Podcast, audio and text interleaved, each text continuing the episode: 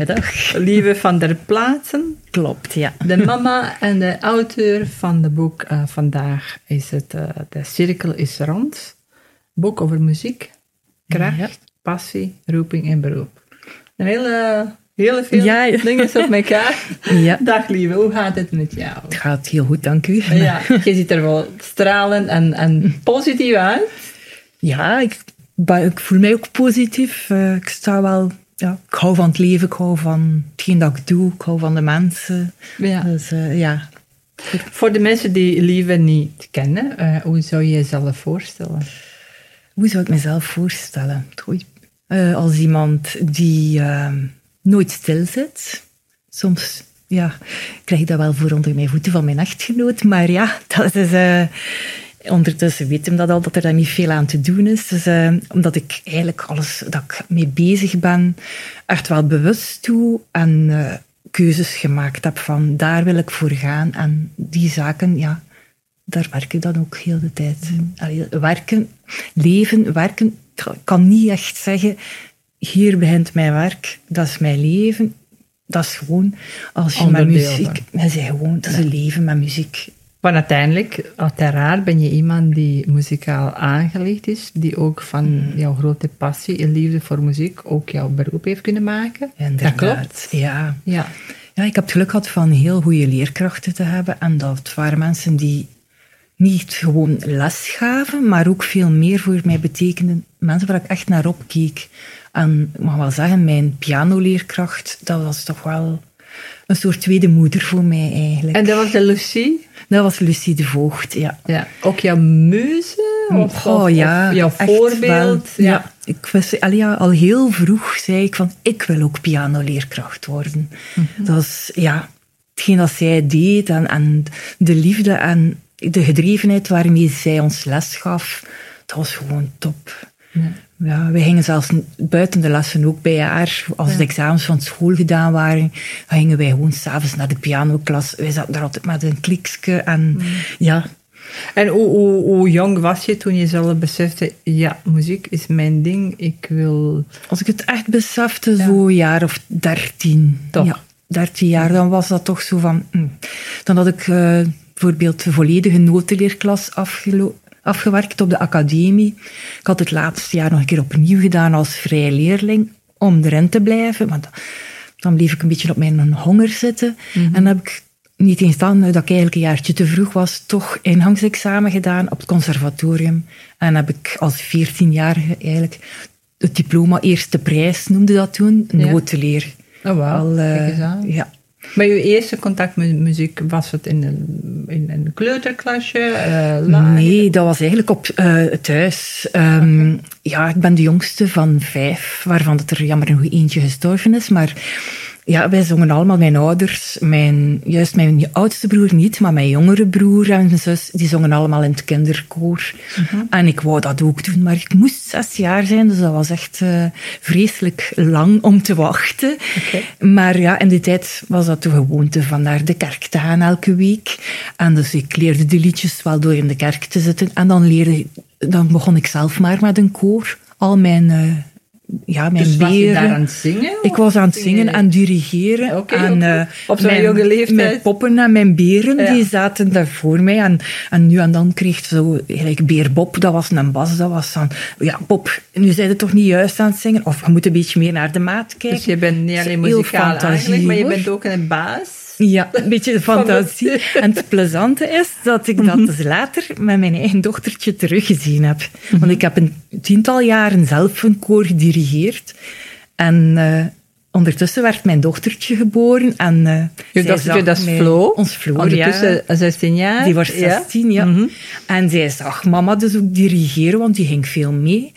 En dan waren ze van die eitjes voor een kindersurprise. Ja? En wij kochten dat niet zozeer voor die chocolade, maar voor hetgeen erin zat. En in die tijd, als zij een jaar of twee was, waren dat allemaal Disney-diertjes.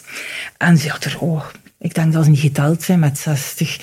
En dan zetten ze die allemaal soort per soort, zag ik zo op de salontafel. En dan ging ze daarvoor gaan staan en was ze... En ik zag dat gebeuren, ik dacht van, wow Ja. Die doet mij na. En dan dacht ik van, ja, eigenlijk heb ik dat ook gedaan als Ja. kind. Dus eigenlijk heel structuur brengen. Ja. En dan samenbrengen en dan Ja. opleveren, zoals ze dat zeggen. Eigenlijk imiteren. Hè. En eh, als ik dan zelf piano aan het studeren was, dan zag zij mij bezig en zag zij soms ook dat ik met een potlood iets op mijn boek schreef. Van daar opletten of vingerzettingen of zo. Mhm. En op een goede keer doe mijn boek open. Ik zie zomaar krabbels in potlood. Mhm. Zo was dat nu. Ja. Dus lieve van, mag ik lieve zeggen? Ja, tuurlijk. Ja. Vandaag ben je eh, docent, eh, of ben je docent geweest eh, in Gent? Of, Ik ben al, ja, al lang hoor, van mijn 21 jaar eh, leerkracht op de muziekacademie op de Poel. Mhm. Waar ik eerst collega was van Lucie. En in de loop van mijn eerste schooljaar haar klas overgenomen heb. Oké. En daar geef ik nog altijd les. Mhm. Maar eh, ondertussen ja, is ons Floor geboren. En ik had door Lucie, die had dat over eh, Suzuki-methode verteld. Zij kwam op een dag een keer binnen en zei: Goh, eindelijk heb ik een keer iemand leren kennen die op dezelfde manier denkt over muziekonderwijs als ik. En zij had het boek mee van Suzuki en dat heet Opgevoed met Liefde. En dat was denk ik een jaar of 12, 13. En dan heb ik dat boek gekocht en gelezen. Want Lucie was een beetje gelijk ik, of moet eerder zeggen, ik ben een beetje gelijk Lucie. We zijn nogal eigenzinnig. Eh, we hebben het wel moeilijk om ons te plooien naar een baas die zegt, dit moet zo, dat moet zo. Nee, we hebben, zij had dat en ik heb dat ook. Ons eigen idee wel wat over. Dus En- Lucie, Lucie de Voogd was Ja. je leraar eh, piano. Ja, Op zeer jonge leeftijd heeft jouw hele leven eigenlijk een beetje geïnspireerd Absoluut. en eh, gevormd om, Absoluut, om, om, ja. om te worden, ehm, om, om op te gaan in de muziekwereld. En je hebt moeten afscheid nemen van Lucie. Ja, jammer genoeg wel, ja. Ehm, ja, zij was nog heel goed eigenlijk. Laatste keer dat ik haar gezien heb, was op haar 91ste verjaardag. En ze heeft dat bij ons thuis gevierd. Dus je waren echt, echt ook goede vrienden. Ja, ja, ja. ja, ja levenslang vrienden. Levenslang vrienden, ja. Mhm. En eh, ja, zij heeft dan corona gekregen. En ja, ze heeft een week maar heeft ze ja. nog geleefd. Dus dat is, ja, dat is ook vreselijk, omdat je... Ja, je kunt geen afscheid nemen. Hè. Ja. Het groeten was voor een gesloten kist. Het was nog in de eerste golf. Dus er wordt maar met 15 mensen aanwezig zijn op de uitvaart. Dus dat was eigenlijk, ja, Ja, ineens niet alleen corona, maar ook in, in je grootste voorbeeld eh, in, Ja. in je leven, inspiratie in je leven, en een goede vriendin en ja, familie zou ik zeggen. Ja. en dan eh, op één week, eh, één Ja. week tijd want corona is voor mij eigenlijk meer synoniem voor Lucie. voor ja, het afscheid van Lucie. Want ja, ik wou eigenlijk een boek schrijven, maar ik had iets van, ja, ik heb er eigenlijk geen tijd voor. Dus misschien als ik met pensioen ben, zal ik dat doen. Maar dan, ja, in die eerste lockdown was mijn wekelijks fietstochtje altijd eerst naar, het ouders, naar mijn ouders hun graf gaan, dan reed ik naar het woonzorgcentrum van mijn meter. Dan belde ik en die kwam dan aan het venster en zo konden we praten. Ja. En dan reed ik naar Maria Kerke, naar het graf van Lucie. En dus op een van die tochtjes in terugkeren, dat ik, ja, ik weet het niet, heeft zij mij iets gezegd of zo? Is dat een teken? Maar ik ben thuisgekomen en ik ben beginnen schrijven. En ik Het moest gestopt. eruit. Het moest eruit. Het moest eruit. Het moest er echt uit. Ja. En, ja. Ja, ik begrijp het. Ik, ik Dat begrijp heel, helemaal wat je, wat je bedoelt. En ja. het is ook een beetje misschien voor je ook, ja, verwerkings, rouwproces denk het wel, ja, geweest om haar te eren. Ja. En tegelijkertijd misschien ook wat je ook heel graag doet, is bezig met kinderen zijn. en Ja. Liefde voor muziek. Absoluut. Ja. En zij heeft zo'n goed voorbeeld geweest en zij heeft dat doorgegeven aan haar leerlingen, want er zijn nog collega's van mij die oud-leerling zijn van haar. En zelfs al leerlingen van oud-leerlingen van haar. Dus het is echt wel, ja, niet eerst de beste, ga ik maar zeggen. Ehm, En ik had zoiets van, ik wil haar verhaal voors vertellen en ik wil die... die Je mag niet vergeten. ja, en de manier waarop, omdat zij voor haar, zij zei dat ook, dat heb ik nooit gewerkt. Hè. Ja, Zij prachtig. zei van, eigenlijk Ja, is dat niet... Zeggen. En ik voel dat ook zo. Ik voel dat ook zo. Dat is, ja, soms denk je van, allee, ik word een keer betaald voor iets dat ik graag doe. ja, ik bedoel, ja. Maar ja, Ja. Dat, dat is echt, ja. Ja, dus eigenlijk Lucie hè, blijft Mhm. ehm, Ja. Blijft er voorbestaan in jou en alles wat jij geeft. Ook Ja. aan eh, kinderen met eh, talent, zou ik zeggen. Ja, en Ja. ik merk dat ook wel aan mijn leerlingen ook, dat zij ook al een keer met iets anders bij mij komen, ook als ik er iets scheelde of zo. En, ja, en dat ik bij haar ook, dat is zo een beetje een vertrouwenspersoon. Ehm, ja, En dan is er ook nog pianootjes. ja. Wat is dat, pianootjes? Dus ja, door ons Floor. En onrechtstreeks dus ook door Lucie heb ik dus die Suzuki-methode beter leren kennen. Dus eh, ik had dat boek gelezen. Maar wat is dat dan, die Suzuki-methode? Dat is ah, wel, Anders als... als Ja. Ja. Suzuki, dat was een Japanse violist. En aan hem werd gevraagd om kinderen vanaf twee jaar vioolles te geven. Dacht, ja, hoe moet ik dat nu gaan doen? En dan is hij beginnen Vanaf nadenken. twee jaar. Ja, dat is heel vroeg. Hè? Maar Ja. dan dacht hij van ja, eigenlijk Japanse kindjes van twee jaar, die spreken Japans. Nederlandse kindjes spreken Nederlands, Franse kindjes. Dus hoe komt dat dat die dat kunnen? Ah, door hun ouders te imiteren. En dus heeft hij daarop zijn methode dus gebaseerd.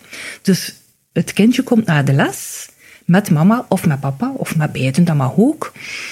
En in het begin geef je wat les aan de ouder. Het kindje observeert een beetje. En eh, naarmate dat, dat eh, de lessen verstrijken, gaat het kindje natuurlijk ook aan de piano komen en les krijgen. En de bedoeling is dat de ouder dan elke dag met zijn kindje oefent. Dus het is echt wel een discipline. Het is niet van, oh, ik zou willen dat mijn kind piano kan spelen. Oh, we gaan elke week een keer bij Lieve gaan en dat gaat wel lukken. Nee, maar oké, maar zijn dan alle ouders ook...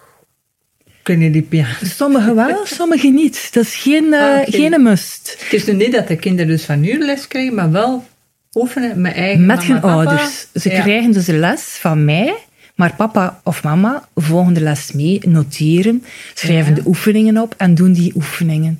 En als papa of mama nog nooit piano gevolgd hebben, dan zijn de eerste lessen zo tien minuutjes voor de papa of de mama. Mhm. Dat is goed weten wat ze moeten doen, dat is het op de juiste manier aanleren En aan hun kindje. Ik ga er ook vanuit dat altijd de piano is. Dat Ja. is jouw instrument. Ja. ja. Er zijn twee piano's in mijn klas. Dus eh, het kindje zit aan een piano en ik zit aan een piano. Mhm. Want het is op imitatie na, naspelen, eigenlijk. Dus ik speel iets op de piano, het kind moet dat leren naspelen. Dus ze worden op het eerste, hun oortjes worden getraind. Ja. En dat is het grote verschil met de muziekacademie. Dat en eerst dan noten. Ja. Wat gebeurt er dus? Een kind dat Suzuki-onderwijs volgt, dat gaat niet vals spelen. Zelfs niet op een viool. Ik heb dat met mijn eigen dochter gezien. Ja, nee, dat moet zo klinken en die gaat zoeken tot als dat zo klinkt. Mhm. Terwijl een kindje op muziekschool, dat is de nootjes aan het lezen en gaat dan die nootjes spelen, maar luistert niet. Ja. Waardoor dat... dat Om met de focus anders Ja. ligt op lezen en uitoefenen Ja. in plaats van gewoon spelen. Ja. Dus ik leg ook de, de vergelijking met een kind van twee jaar gaat inderdaad al kunnen spreken.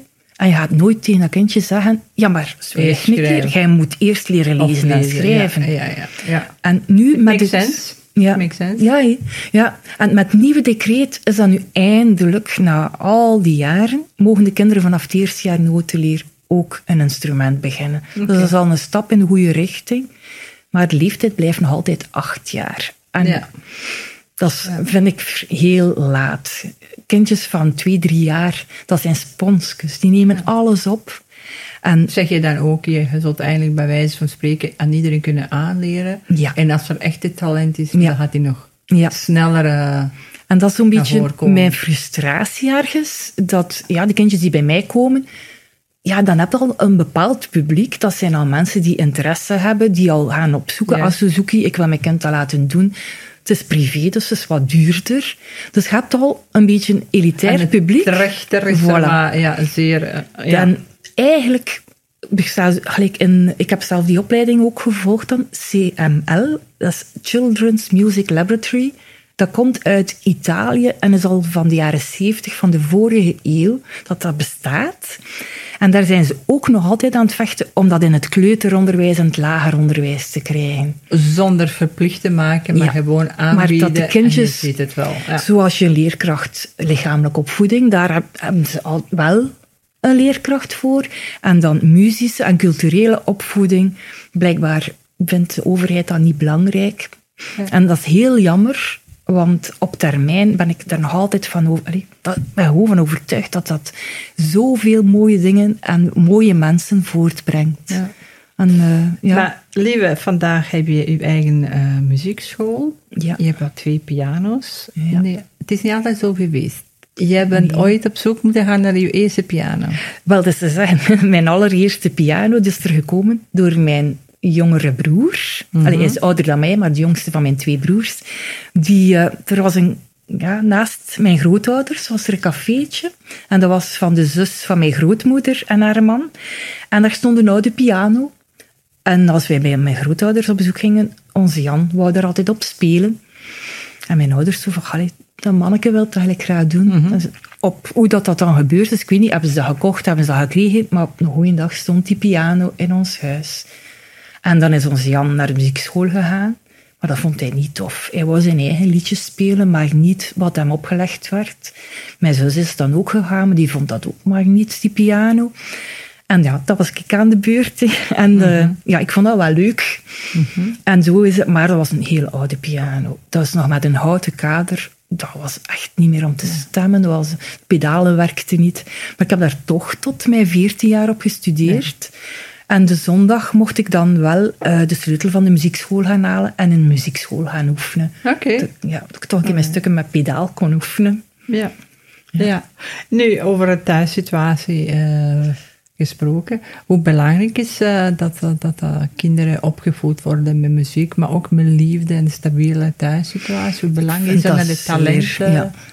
Dat is eigenlijk zeer belangrijk. hè. Dus ehm, ja, je moet daar wat geluk in hebben natuurlijk. Maar het is heel belangrijk dat als je muziek aanbiedt aan je kind, dat je dat ook stimuleert en dat je daar ook tijd voor maakt. Dat je niet zegt van oké, ik schrijf die in in de muziekschool en trekt u een plan. Maar nee, En voor ook een babysitten. ja, voilà. Ja. Nee? Eh, want-. En je moet ook... En soms zeggen- zeggen ouders, ja, maar ze gaan niet vanzelf naar die piano. Ik zeg, maar dat is normaal hoor, dat is een discipline. Ik moet aan Floor ook zeggen, Floor, heb je al viool gespeeld vandaag? Oh ja, ja, juist, ja. En Ja. ja, je, dat zijn kinderen, die, dat is niet omdat ze dat niet graag doen of dat ze niet willen oefenen, maar die zijn in fantasie bezig of in iets, met iets anders bezig. Die Ja. denken daar gewoon niet aan. Dat klopt. Dus je moet dat als ouder gewoon, en dat elke dag een kwartiertje. En naarmate ze verder komen, wordt dat wat meer. En, en soms is dat eh, een keer tegen de hoesting. Ik heb ook zo'n periode gehad, als ik 13 jaar was, niet 12 jaar. Dat was iets van, oh nee, ik ga die piano niet voortdoen. Want die dan ook dwarsfluit. En ja, nieuwe mesjes snijden beter, zeggen ze.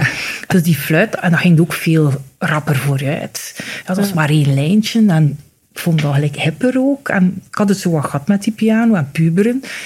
En eh, ja, dat was één telefoontje van mijn moeder naar mijn leerkracht. En, eh, Was je gedaan met fluit? eh, dat fluiten mocht ik voortdoen, maar eh, ik moest vanaf dan een uur piano spelen. Ik mocht niet stoppen met piano. En Oh. Ja, was ja. kwaad, maar kwaad. Ja. En ja, wenen en, en gefrustreerd. Maar ja, Achteraf gezien, dat je zelf kinderen hebt. Je moet een keer doorbijten. Ja, en ben daar heel dankbaar voor. Ja. Want dat was ook het eerste dat Lucie zei als ik haar klas dan overnam, als ze met pensioen ging. Zei ze, weet het nog, Mormel? Dat was haar koosnaampje voor ons, Mormel. Dat je in de tijd ging stoppen. Ik zeg, ja, ja, ik weet het natuurlijk, ik weet. Ze zegt, kijk een keer wat je nu staat. Ik zeg, ik weet het. En ik heb al heel vaak die anekdote aan mijn eigen leerlingen verteld. Als ze het wat moeilijker krijgen, want ja, het is een hobby, maar het is een hobby is niet iets dat geen inspanning vergt. Een voetballer gaat ook niet alleen zijn wedstrijden gaan spelen, die moet ook trainen. Als je iets wilt goed kunnen, dan moet je daar gewoon elke dag mee bezig zijn. Ik heb er zelf een voetballer thuis. Ja, voilà. 15 jaar. Ja. En uiteraard is dat, is heel veel eh, Ja. opoffering eigenlijk en discipline. Discipline, ja. Maar ook een team rond u, om, om, om u door de jeugdjaren Ja. door te, heen te steunen en telkens op het juiste pad te zetten. Ja, Als dat een keer wat, mm, ik heb het vandaag geen zin in, ja, sorry, maar die luxe hebben niet. Ja. Je moet wel. het moet, hè. En dat vind ik ook het plezante. Ik heb bij mijn pianootjes ook elke maand een groepsles. En dat is ongelooflijk hoe dat die kinderen, daar ontstaan vriendschappen uit. En die zien elkaar ook dan naast de muziekschool. En die begrijpen elkaar, die- ja. ze- doen hetzelfde. Hè? Dat, is, dat vind ik heel belangrijk. Dat ze zo samen... En, eh, ik heb nu ook twee jaar geïntegreerd lesgegeven. Dat is notenleer en instrumenten samen. Maar door, ja, doordat er er te weinig middelen zijn van de overheid uit, Ja. heb ik dat moeten stopzetten. Omdat dat, ja, je staat met je rug tegen de muur. Je wilt van alles doen, maar ja, die, die klok tikt. Hè, en na een uur en een half moeten die acht kinderen alles gezien hebben. Maar dat is Maar- ook een beetje een stukje van jouw frustraties. Dat is- dat dan ja. minder en minder geld eh, Ja. wordt voorzien voor Ja, muzikaal of artistiek Ja. of... of eh, Ja, op de muziekschool hebben de kindjes 15 minuutjes pianoles.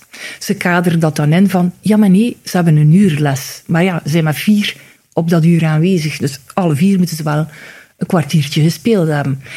Allee, ja. En dan moeten ze nog een jasje uitdoen, een boekje uithalen. Ze willen toch ook een keer een goeie dag zeggen. over welke Allee, ja. leeftijd hebben we het nu? Eh, mijn jongste op de muziekschool is eh, acht en mijn oudste eh, die wordt 71. Oh, wow.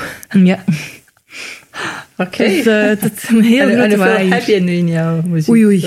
Veel. Eh, ik heb ze nog niet geteld, maar ja, ik geef daar 17 uur les. Ja, gedeeld door vier. Maal vier eigenlijk, ja. Ja, behalve als ze dan in de hogere graad zitten, dan hebben ze wat meer les. Mhm. Maar het allerkleinste, ja, dat is vier op een uur. Hè. Ja. En En dat is dat privé-privé of is ook een stukje Ze zijn met gesubsidieerd? vier samen Ja. en ze, ze moeten naar elkaar luisteren. Maar ja, dikwijls zitten die zich te vervelen. Een kind dat niet actief kan bezig zijn, je probeert die wel te betrekken, zo goed mogelijk bij die les. En bij sommigen lukt dat, maar er zijn ook kinderen die wat, ja, een beetje te veel energie hebben. En dan tegen die zeg ik dan van, lees maar een boekje even of zo, ja. Dus, Ja. eh, Het eh, mooie, denk ik, aan muziek is ook dat dat eh, een, een bindmiddel is eh, om mensen samen te brengen. ja. En muziek als in- universele taal. Absoluut, absoluut. Ik heb zowel met mijn dochter als met mijn eigen leerlingen momenten mogen meemaken ja, dat die kinderen allemaal samen spelen. Dan denk ik van, wauw, zonder woorden. Hè. Ik ons Floor heeft al stages gedaan in Polen. Dan speelden zij met Italiaanse, Poolse, eh, ja, kinderen van alle landen uit Europa samen.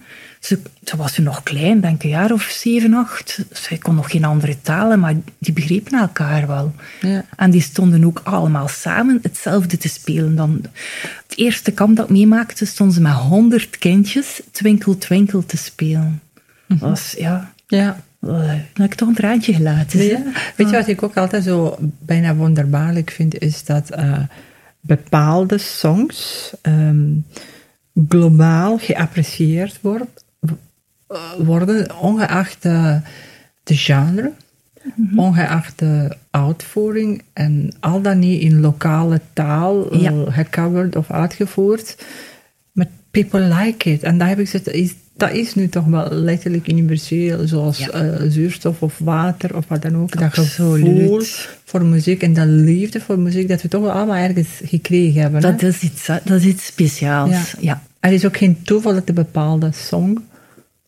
Iedereen vindt dat goed. Ja. Allee, iedereen is veel gezegd, nooit 100%, Ja. maar toch, hè? Ja, ja, absoluut. En dat is ook zo'n misvatting. Eh, ja, mensen die, die niet naar de muziekschool gaan zijn en die dan kinderen ook niet gaan sturen.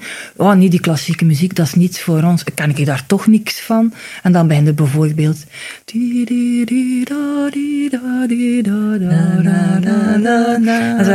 Oh ja, maar dat ken ik. Ja, dat ken ik. Ik zeg, dat is wel van Beethoven, hè? Ja. Ja. Ja. Ik heb in een tijd ook heel begin, ik was maar 18 jaar als ik eh, les gaf, eh, in het zesde technisch en het zesde beroeps. En dat waren leerlingen die... Mijn oudste leerling was één dag jonger dan mij. Is daar muziek aan gegeven. Dus dacht van, oh la. En eh, dat was een bepaalde song van ehm, U2. Mhm. En dat was gewoon gebaseerd op iets van Rachmaninoff. Dus ik zei van, ah, die hoort hier graag muziek. Eh, klassieke muziek. Bah, nee, ze, bah, nee. ze. Ik legde dan een song op van U2.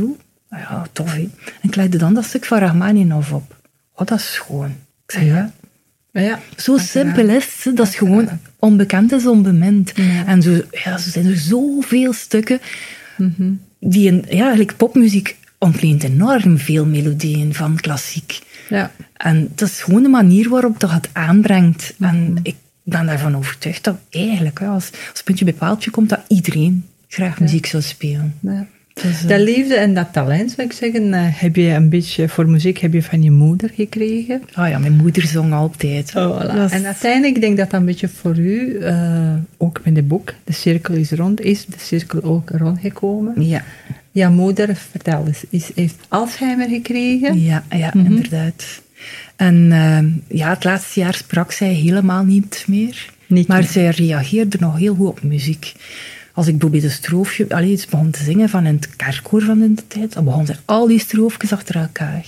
Mhm. En dan heb ik op een bepaald moment gedacht van, oh, nu een keer het koor, waar dat zij altijd bij gezongen heeft, een keer uitnodigen en een keer samen namiddag gaan musiceren. Mhm. Dat hebben we gedaan. En zij heeft tussen de koorleden gezeten, tussen haar beste vrienden. En zij zat er met de partituur en echt naar de dirigent te kijken. En zij zat mee te zingen. Ik dacht, Maar zie- ook voor alle duidelijkheid, ze had toen ver gevorderde ja, ja, ja. Dat was echt wel op het einde. En hoe oud was je moeder toen? Mijn moeder is 88 geworden en nu spreek ik van als ze 87 was. Hmm, eigenlijk, Ja, ja. En op dat moment was ze eigenlijk niet meer aan het praten, niet meer aan het communiceren. niets meer. Zij lachte nog wel als wij kwamen. Ze, Mhm. Er was toch wel iets van herkenning. En ik heb nog- echt nog twee heel mooie momenten. Eh, twee dagen voordat ze gestorven is, lag ze in haar bed. En eh, ze gaf geen een kus en zo. Ja, wij gaven elkaar altijd een kruisje en een kus. Dat was allemaal achterwege gebleven. Maar ik legde mijn hoofd zo bij haar. Want ja, ik voelde van... Het einde is aan het naderen. En ik legde mijn hoofd op haar hoofdjes naast. En ze begon mij kusjes te geven. En dan zo'n traantje. En ik dacht van, allee. En dat was een dinsdag. En de donderdag ben ik naar daar gegaan. Ik zei, ik ga, dat is mijn vrije dag. Ik zei, ik blijf heel de dag bij mijn ma. En ik had mijn cd-speler meegepakt. En wat cd's met koormuziek. Van muziek dat zij zelf nog gezongen had. En ik legde Halleluja uit de Messiah van Hendel op.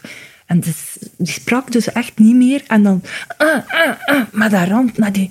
Ja, ze herkende dat en ze was ineens... ze eh, was terug. in, ja, Ja, ja. ja. En ehm, eh, die een dag is ze dan gestorven, maar zo echt zo gelijk een kaarsje dat uitging. Zo, ja. Want dacht dan van, is dat nu goed? Maar de verpleegster zei, ja, ja, laat die muziek maar. Ja, Oh, wauw. Ja. Met de muziek dus. Met die muziek, ehm, ja, als ze stierf was dat want ondertussen Ah, ja. waren mijn broers en mijn zus toegekomen, maar eh, we waren er allemaal bij en ja. Maar ze heeft dus echt nog die laatste dag daarop gereageerd. Dan denk ik van, ja, dat is... eh, Hoe mooi is dat, Ja. lieve? Dat is zo... Ja, want dat is ook iets dat ik graag zou doen als ik met pensioen ben. Dat is minstens één keer in de maand in een woonzorgcentrum gaan musiceren. Ja. Want dat is, allee, ik heb dat nu met mijn moeder ondervonden, maar ook bij mijn meter, met mijn kleintjes een keer gaan optreden op kerst. En ja, die mensen genieten daar zo van. Dat ik dacht van, ja, een keer dat ik ja, over vijf jaar in principe, Ja. Ehm, over vijf jaar in principe stop ik op de academie.